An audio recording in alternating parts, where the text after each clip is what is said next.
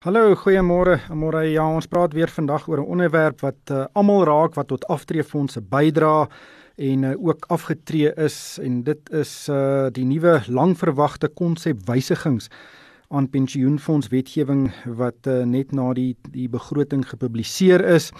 En die doel daarvan is om groot pensioenfonde en aftreefondse aan te moedig om in infrastruktuurprojekte in Suid-Afrika soos damme, groen energie, paaie en behuisingsprojekte te belê. En uh, die regering het reeds meer as 300 sulke infrastruktuurprojekte op sy lys en daar's ook 'n baie groot aantal in die private sektor wat finansiering soek. Nou almal weet die staat se geldsaake is nie so wonderlik as wat dit moet wees nie. Ehm um, en daar is in die verlede genoem dat aftreefondse dalk uh, gebruik kan word om van hierdie projekte te finansier. Nou ongelukkig is daar 'n taamlike groot wantroue tussen die publiek, die aftreefondsbedryf en die regering en daar was vrese oor die doel van enige wysigings aan die pensioenfondswet en of die regering se aftreefondse sou verplig om in hierdie infrastruktuurprojekte te belê. Nou dit sou neerkom dat die regering die aftreebedryf basies sou dwing of voorskryf om dit te doen dit selfs al maak dit nie finansiëel sin nie en uh, dit sou natuurlik nie tot voordeel wees van pensioentrekkers of mense wat vir aftrede spaar nie. Gelukkig het die tesourier dit nie gedoen nie. Die konsep wysigings dui daarop dat die regering dit net vir pensioenfonde wil moontlik of makliker maak om meer geld in infrastruktuur te belê. En uh, die keuse om te belê of nie bly steeds heeltemal in die hande van die bestuurders van die aftreefondse en dit is waaroor ons vandag gaan gesels. Dit is 'n kritieke onderwerp wat in die verlede baie baie emosie ontlok het. Nou niemand hou daarvan om gedwing te word om iets te doen nie en 'n uh, eh, verandering en wantroue loop altyd hand aan hand. Saam met my in die ateljee is Johan Gous, hy's hoof van adviesdienste by Sasfin Wealth. Uh, ek gaan met hom gesels, maar ek wil ook by by luisteraars hoor. Uh, stuur vir my SMS na 45889 toe. Dit kos R1.50. Sê vir my, wat dink jy van hierdie moontlike veranderings aan regulasies vir uh, aftrede? Dink jy hierdie konsep uh, regulasie strek 'n lyn onder die debat van voorgeskrewe bates uh, en dink jy dis dit is dit 'n goeie idee vir aftreefondse om in infrastruktuurprojekte te belê? Stuur vir my SMS na 45889 toe dit kos R1.50 dan uh, Johan Gous is van Sasfin Wealth baie baie welkom by die program. Johan net vinnig jy's hoof van adviesdienste. Baie mense dink jy's die baas van baie finansiële raadgewers uh, maar jy is nie. Presies wat doen jy Goeiemôre Ryk en goeiemôre aan al die luisteraars. Wel, Ryk ja, ek so ek kyk na alle adviesaktiwiteite by Sasfin Wealth. So daar's 'n uh, jy weet jy privaat kliënte waar jy persoonlike uh, advies gee en daarso het ek wel 'n paar adviseurs, ehm um, uh, adviseurspan wat wat mense kan help met persoonlike advies, maar dan het ons ook die institusionele adviesgedeelte en dit is waar ons dan die rol van batekonsultant speel en dit is waar ons dan advies gee aan die trustees of bestuurslede van aftreefondse om hulle te help om die beste besluite te neem vir die lede van die aftreefondse sodat hulle eendag met behoorlike hoeveelheid geld kan aftree. So julle gee vir die aftreefondse raad oor wat om met die geld te doen. Correct. So ek neem aan veranderings aan pensioenfonds wetgewing uh is vir julle baie belangrik om die regte raad aan die fondse te gee. So daar is nou die konsep wysigings op die tafel. Ek het nou van ek dink baie basies verduidelik uh, wat hierdie moontlike veranderings is en uh, wat dink jy, wat is die kernveranderings wat kan geintree in ons aftreebedryf indien hierdie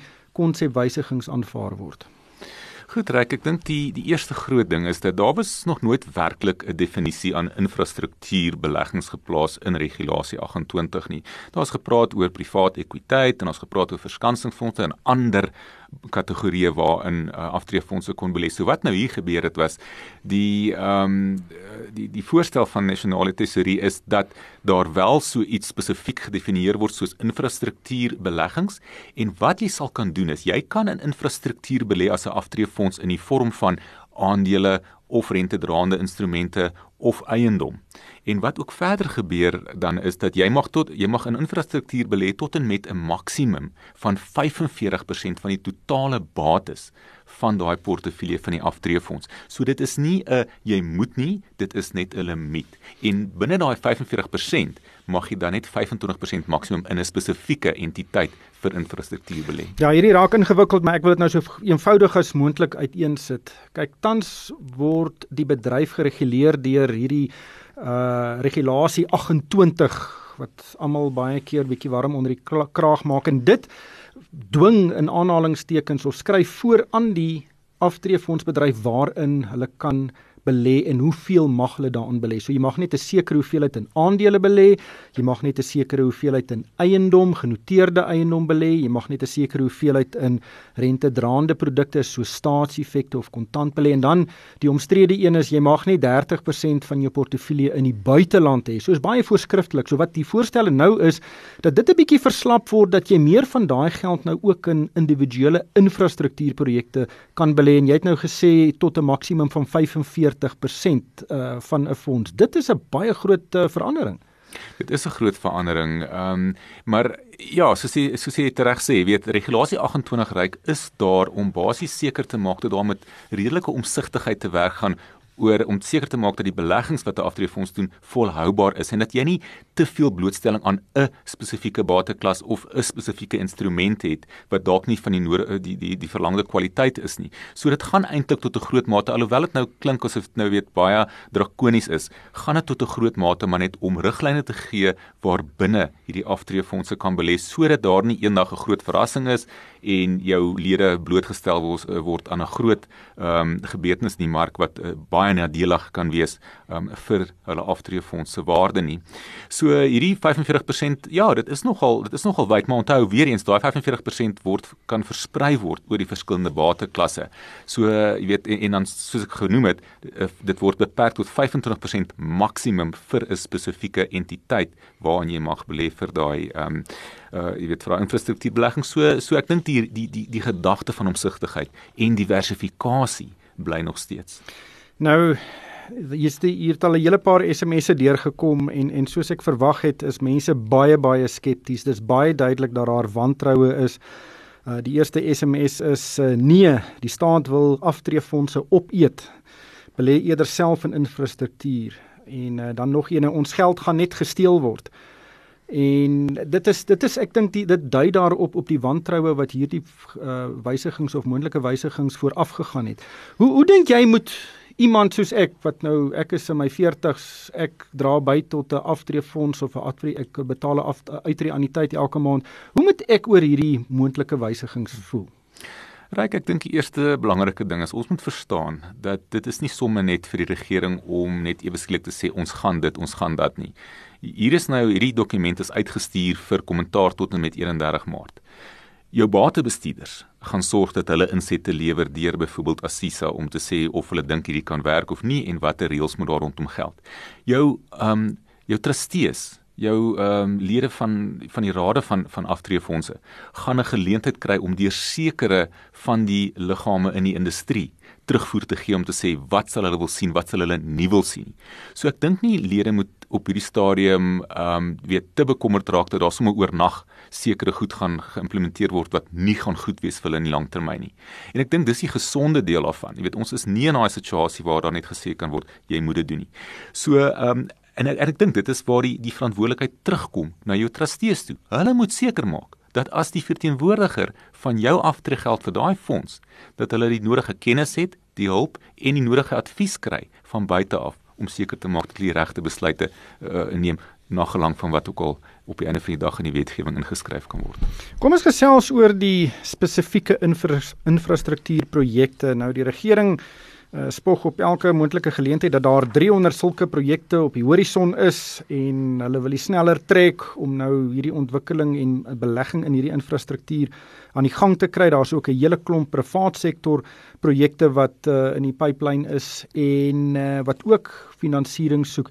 Nou baie mense is bekommerd dat dit staatsprojekte is wat nie finansiëel lewensvatbaar is nie en dat die regering nou die pensioengeld wil gebruik om daardie projekte te finansier. Uh, kom ons gebruik 'n voorbeeld dit wil Uh Eskom is op die oomblik nie lewensvatbaar nie en daar's nou verwagtinge dat die staats uh dat uh pensioenfonde nou gebruik gaan word om van daai skuld um oor te neem by Eskom. En, en dit is glad nie die doel van hierdie wysigings nie. Vertel ons dan watter tipe projekte um kan of sal hierdie aftreefondse belê indien hierdie wysigings nou wet word? Ryk, ja, ek dink as ons teruggaan na die aanvanklike vrees, die mense was bang geweest dat die regering net sou kom met voorgeskrewe bates en sê jy sal in Eskom, Sanral, SAIK enige van hierdie goed belê. Ehm um, maar dit is soos jy sê definitief nie die geval nie. Daar daar is werklike projekte wat bestaan. Jy noem die 300, daar's ook nog addisionele 50 projekte wat potensieel binnekort goedgekeur gaan word deur die regering. So, hoe kan jy in hierdie projekte belê? Wel, jy sal ehm um, in in in deur die vorm soos ek gesê het van private ekwiteit uh, dit, dit kan ongenoteerde tipe van projekte wees daar buite. Jy kan belê in in, in eintlik tot 'n groot mate is mense al redelik in infrastruktuur belê deur die feit dat hulle regeringseffekte as deel van hulle portefeulje reeds het. Dit word net nie noodwendig so duidelik so uitgewys nie. Maar jy sal in in in regeringseffekte byvoorbeeld as daar spesifiek 'n effek uitgereik word deur die regering wat sê hierdie effekse uh, inkomste of se of se beleggings gaan suiwer net gaan vir sekere infrastruktuurprojekte, dan sal dit een vorm wees. En verder is dit maar jou privaat maatskappye daar buite wat dalk in alternatiewe energie belê of uh, in sonkrag of wat wat ook al. En daardeur kan jy dan blootstelling kry ook aan infrastruktuurprojekte.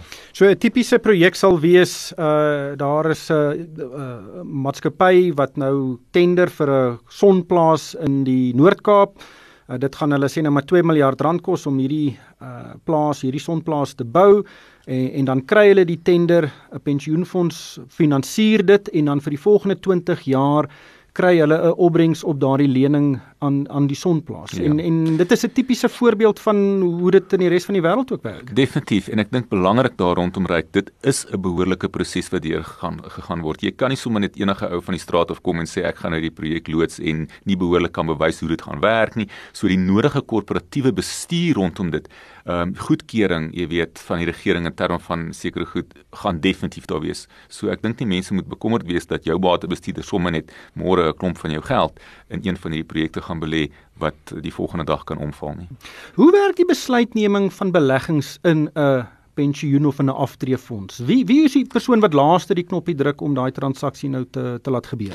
Ryk so tipies dit hang ook af van van die soort fonds. Jy kry twee tipes fondse in Suid-Afrika. Jy kry jou wat ons noem jou alleenstaande of losstaande fondse en dan kry jy jou sambreelfondse. So 'n kleiner is gewoonlik kleiner maatskappye wat aftreefondse het, dan sê hulle, jy weet ons ons fonds is nie groot genoeg om al die kostes aan te gaan en so nie. Ons word deel van 'n sambreelfonds. Nou die trustees van daai sambreelfonds, so daar kan 100 verskillende maatskappye deel van daai Sambreelfonds wees, maar die trustees wat oor hoofs na daai Sambreelfonds kyk, hulle sit op die einde van die dag met die beleid wat hulle gaan maak, waarin kan belê word en waarin nie.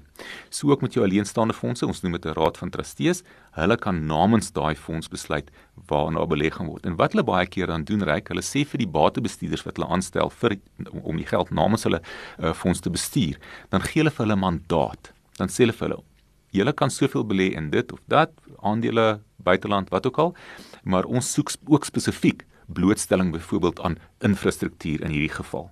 So die trustees op die einde van die dag sê wat moet gebeur en wat nie moet gebeur nie op grond van die advies wat hulle ontvang soos mense van onsself, die adviseur aan die die beleggingsadviseur aan die fondse en dan na gelang van dit kan hulle dan 'n mandaat gee aan die batebestuurder en sê belê die geld so. So alle fondse sal nou 'n uh, hulle 'n aanpassing aan hulle man, mandaat moet doen. Hulle sal nou na hierdie voorgestelde wetgewing kyk, sê nou maar dit word nou goedgekeur en dan sal hulle nou hulle mandaat aanpas om nou in te pas by hierdie uh, nuwe wetgewing. Kan ek as 'n gewone persoon wat bydra tot 'n uitreaniteit dalk bietjie sien wat daardie mandaat is?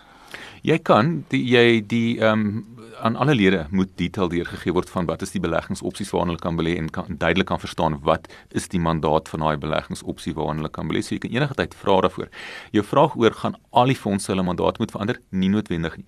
Jou groter aftreefondse, jou werklike groot maatskappye wat alleenstaande fondse het. Hulle het gewoonlik um, spesifieke mandate wat hulle kan sê vir die batebestuurder waarom te belê of nie te belê nie. Kleiner fondse wat deel, tipies deel is van 'n Sambreel fonds, hulle het nie noodwendig daai mag nie, want hulle het nie daai hoeveelheid geld om vir 'n batebestuurder te sê presies wat hulle moet doen. So hulle gaan heel moontlik in kollektiewe beleggings belê waaraan hulle en 'n klomp ander aftreefondse ook belê. So elkeen kan nie sy eie sê nie, maar definitief met jou groot fondse gaan hulle heel moontlik nou na hulle mandate kyk, begin kyk en sê, jy weet, hoe, hoe gaan ons hierdie begin inwerk in ons mandaat vir ons batebestuurder? Kan hierdie fondse goeie geld maak uit hierdie infrastruktuurprojekte? Ryk dit gaan, jy weet, ek dink die punt wat ek hier net wil uitwys is dat soos wat jou batebestuurder gesonde besluite gaan neem rondom watter aandele hy gaan belê, hoeveel in daai aandeel of in watter staatseffek of enige ander korporatiewe effek, watter instrument ook al vir die portefeulje kies, so gaan hulle dieselfde omsigtigheid toepas wanneer dit kom by hierdie infrastruktuur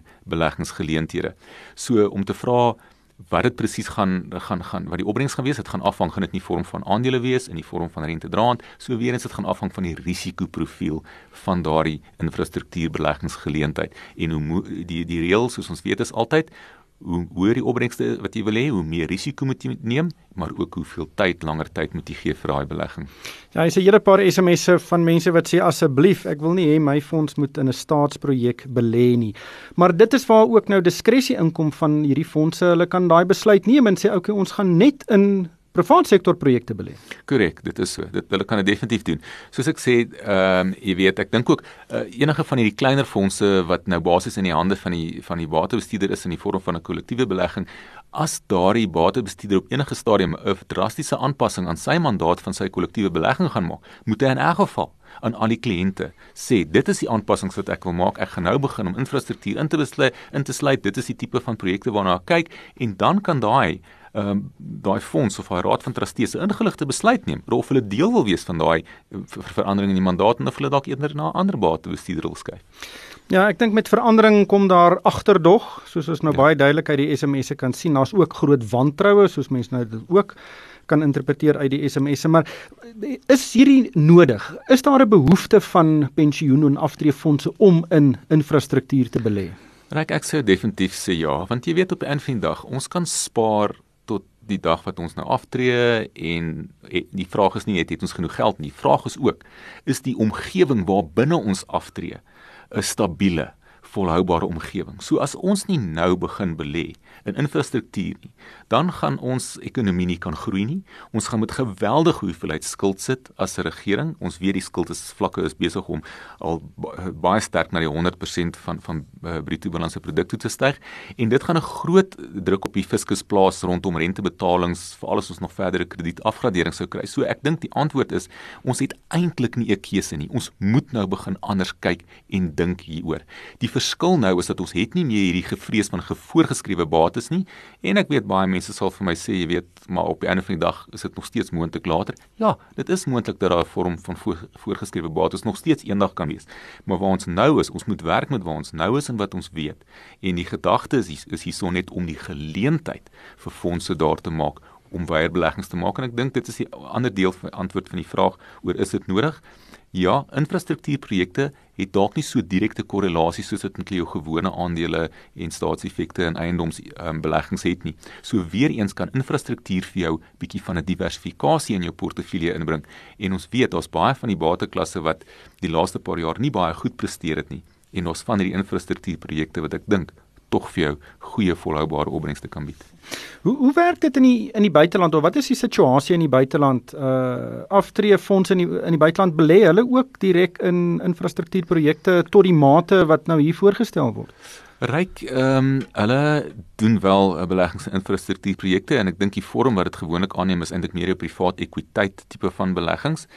Ehm um, en ek dink die die die verskil tussen hulle en, en ons is dat hulle het heel moontlik baie meer geleenthede vir vir hierdie projekte. Ek dink daar's 'n groter mark en 'n meer gereguleerde goed gereguleerde mark wat al reeds bestaan daarvoor. Ehm um, so ek dink dis die enigste verskil, maar op die einde van die dag, ja, dit is vir elke land in in hierdie wêreld is daar die kwessie van volhoubaarheid en die die die die uitdagings van goed soos ons moet meer begin kyk na alternatiewe energie um, en hoe bou ons die kapasiteit van ons ekonomie en en infrastruktuurbesteding is die manier hoe jy die kapasiteit van jou ekonomie bou. Ja, dis ook interessant. Uh pensioenfonde wil moet grootliks in Suid-Afrika belê en daar's ook net soveel dinge waarna hulle kan belê. Die JSE ehm um, bied net ek dink daar's net 340 aandele wat oor is op die JSE en op die ou einde is daar net omtrent 100 maatskappye wat groot genoeg is sodat groot pensioenfonde daarin kan belê. En dan sit jy met staatseffekte wat oorwegend uh, deur die regering uitgereik word. En dan het jy genoteerde eiendom wat die afgelope 5 jaar pateties uh, presteer het. Um, en nou sit jy elke maand kom daar invloeye in pensioenfonde soos mense bydra, daar moet in iets belê word. En die die die die moontlike beleggings eh, is ook nie legio of of op onbeperk in die land op die oomblik sonder hierdie infrastruktuurprojekte nie. Korrek, reg. Dit is so. Ons het in 2001 met 600 genoteerde aandele op ons beurs gesit. Nou sit ons met 344 die laaste keer wat ek gesien het. En soos jy sê, dit word gedomeineer deur 'n paar groot maatskappye wat die nodige likwiditeit het ensovoorts. Ehm um, so ek dink jy weet ons weet ons sit met die 30% beperking op buitelandse beleggings. So jy moet begin kyk na watter ander geleenthede daar is wat jy kan inbring sodat jy meer geleenthede vir batebestuurders kan gee om die nodige opbrengste te kan kry ehm um, jy weet op die portefeuilles. So uh, weet ek dink ehm um, dat dat die hierdie infrastruktuur beleggingsgeleenthede en en die feit dat hulle bereid is om dit tot en met 45% toe te laat is is is 'n baie groot skuif, baie belangrike skuif vir ons land vir ons ekonomie. Theo skryf hier 'n SMS wat baie interessant is, um, want een van die uh verpligtinge wat op pensioenfonde gaan neerkom indien hierdie wetgewing aanvaar word is dat hierdie fondse moet gereeld verslag doen oor hoeveel geld hulle in infrastruktuurprojekte belê. En ek het nou al in die media gelees baie van die ehm um, fondse is positief daaroor want uh, dan kan 'n mens sien presies uh, hoeveel geld gaan in infrastruktuur in. Matthew sê dit is dalk inmenging omdat hulle dan die, die regering dan kan sien watter fondse belê in infrastruktuur infrastruktuur en watter nie. Ja. Nee, en ek dink die die beginsel van van deursigtigheid is is die belangrikste vir my van van dit alles, jy weet, uh, want dan weer eens kan kan mense ingeligte besluite neem. Wel, ja, of of dit nou vir die regering uh, sekere inligting gaan gee wat hulle dan kan gebruik om sekere goed te manipuleer. Moeilik om te sê ons sal moet sien, maar ek dink dit is weer eens ons het die geleentheid nou. Batebestuurders, Raad van Trustees, met die hulp van adviseurs het nou die geleentheid om tot en met 31 Maart hulle sê te sê in terme van hoe hulle dink hoe dit kan werk en wat hoe dit nie moet werk nie. Ja, ek ek, is eintlik verstom oor die wantroue wat op Esper mm. SMS deurkom. Ek sien ek het 'n hele paar WhatsApps ook gekry. Uh wat is jou raad nou aan aan iemand wat nou by die huis sit en baie baie wantrouig is oor die moontlike veranderings wat kom. Hoe kan jy jouself bemagtig om nou presies te verstaan en en jouself te verstaan wat die impak kan wees en of jy bekommerd moet wees of nie? Wel, Rek, ek sou sê die waar ek vroeër begin het uh, in ons gesprek vandag is om te sê dat eerstens kan jy nie die regering kan nie sommer net sekere veranderings implementeer nie. Daar is uh, daar's baie rolspelers wat um, eers aan boord moet kom en die batebestuurdersindustrie, die uh, verteenwoordigende liggame van rade van trustees ensovoorts um, wat die mense is wat op die einde van die dag die die fiduciêre verantwoordelikheid het vir elke lid van 'n aftreefonds in hierdie land. Hulle gaan hulle insette kan lewer in terme van die verandering. So dis die eerste punt. Die tweede punt gaan dan oor jou selfbemagtiging.